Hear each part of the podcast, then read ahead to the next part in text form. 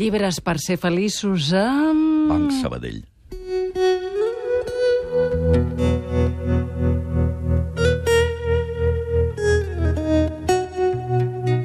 Val a dir d'entrada que l'amor és una experiència compartida entre dues persones. Però que sigui compartida no vol dir que sigui semblant per als dos implicats. Existeix l'amant i l'amat, però són de països diferents. Sovint l'amat només és l'estímul de tot l'amor acumulat que l'amant atresora en silenci des de fa temps. I en certa manera, això ho sap qualsevol amant. Sent dins l'ànima que el seu amor és cosa solitària. Coneix llavors una solitud nova i estranya. I aquest coneixement és el que li causa patiment. Així que l'amant només li queda una opció. Ha de donar aixopluc dins seu tan bé com pugui aquest amor.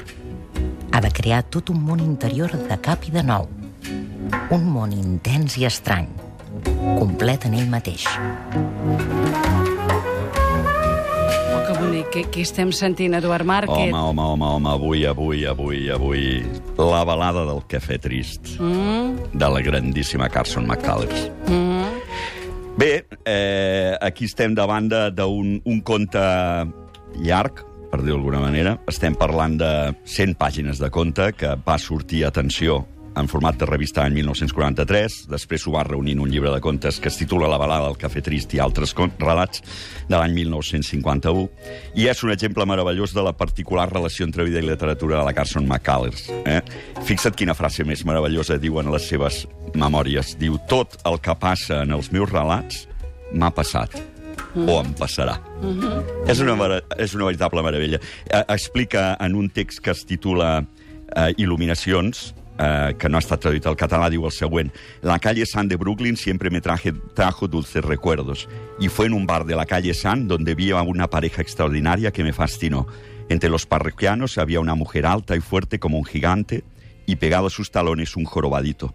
Los observé una sola vez, pero fue al cabo de unas semanas cuando tuve la iluminación de la balada del cafè triste. Mm -hmm. És meravellós perquè la Carson McCullers parla d'il·luminacions, quan li és regalat per atzar una imatge, un pensament, un somni, el que sigui, que Sí. ella converteix en història. I aquí tenim l'origen l'origen de la balada del cafè trist. La geganta del bar es transforma en la senyoreta Amelia Evans, el japerut en el cosí Lyman.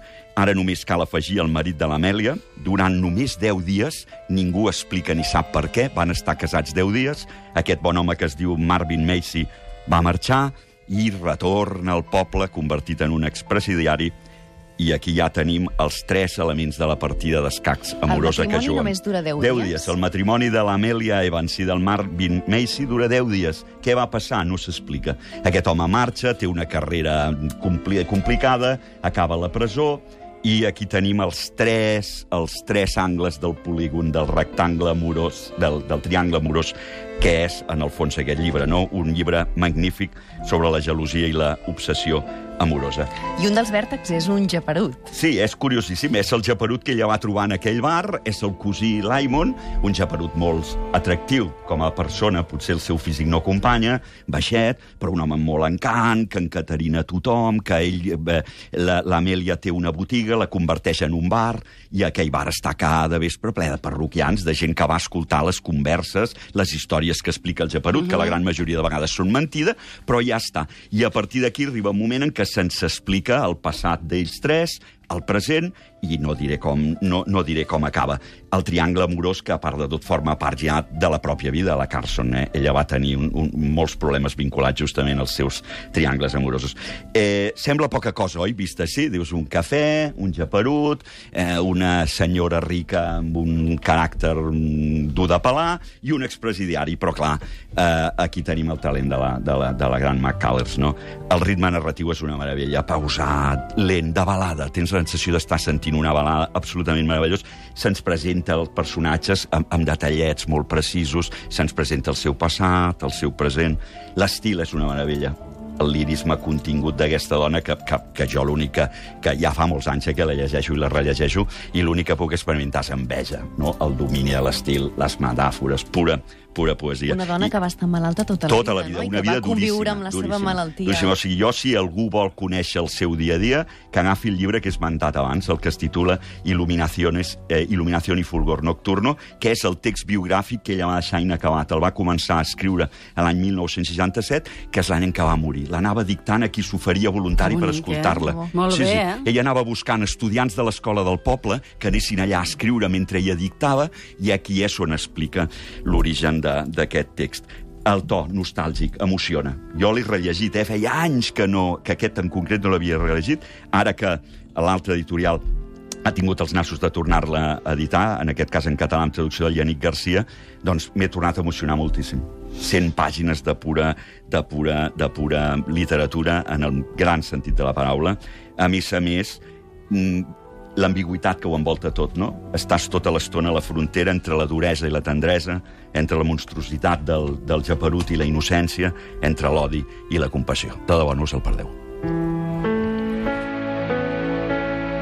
De cop, en Ferris, es va saber un espectador, un intrus a Carls Bailey.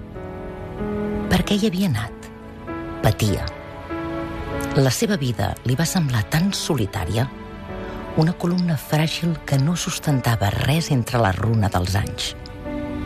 No ho podria resistir gaire estona més si es quedava a la sala d'estar. Va donar un cop d'ull al rellotge. Aneu al teatre? És llàstima, va dir l'Elisabet, però fa més d'un mes que ens hi vam comprometre.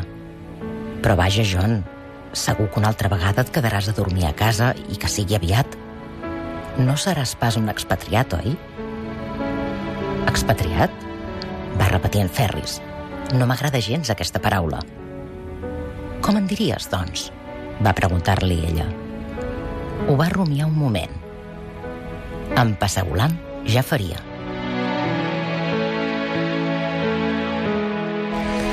Estem escoltant avui eh, aquest fragment del llibre La balada del cafè trist de Carson McCullers, a l'altre editorial amb traducció de Yannick Garcia i amb la, veu, amb la veu de Clara Borrell, que és preciosa. I precisament, Còpolo, sobre aquesta traducció, Antoni ens està escrivint en el Twitter del programa, arroba la vida Cat Ràdio, i ens diu la traducció de Yannick Garcia és una joieta, paraula de llibreter. Oh, que bé, eh? Sí. Hem de dir que els llibres que recomanem cada setmana, que recomana l'Eduard Márquez i la Laura, que avui no ha pogut venir, es publiciten a totes les biblioteques de Catalunya i al portal de lletres també. I aquest llibre el podrem regalar, Marta I tant que Vives? sí. Mireu, el regalarem entre les persones, entre els oients, que a partir d'ara mateix i a través del Twitter del programa ens recomanin llibres que parlin d'això, d'amors estranys, d'amors sorprenents, no? que siguin sorprenents per la seva diversitat, per la Mhm. seva oposició, que siguin tristos, històries d'amor tristes. Què et sembla, Márquez? Em La- sembla fantàstic. Em sembla Tu fantàstic. què dius, Blanca Busquets? Jo, jo, si em puc endur l'Eduard Márquez perquè em llegeixi el llibre, perquè eh, m'he quedat tan embadalida per tot el que ha explicat, per tot el que ha dit amb la Cada música de fons. divendres És una ho fem, meravella. això, eh? Cada no, ja ho sé, però... Ara el veus ja de parlarem. Ja parlareu, eh? Oh, veig que aquí Sí, sí. comença una amistat, eh? Home, la Blanca i jo ja tenim el nostre, la Una nostra gran, sí. història eh, radiofònica. Jo he, he tingut la gran sort de que em donés més d'un cop de mà, cosa que li agraeixo moltíssim i, i ella ho sap. I tu no dius allò de preferiria no fer-ho? En aquest cas no, en aquest cas no. En aquest cas, En aquest cas no.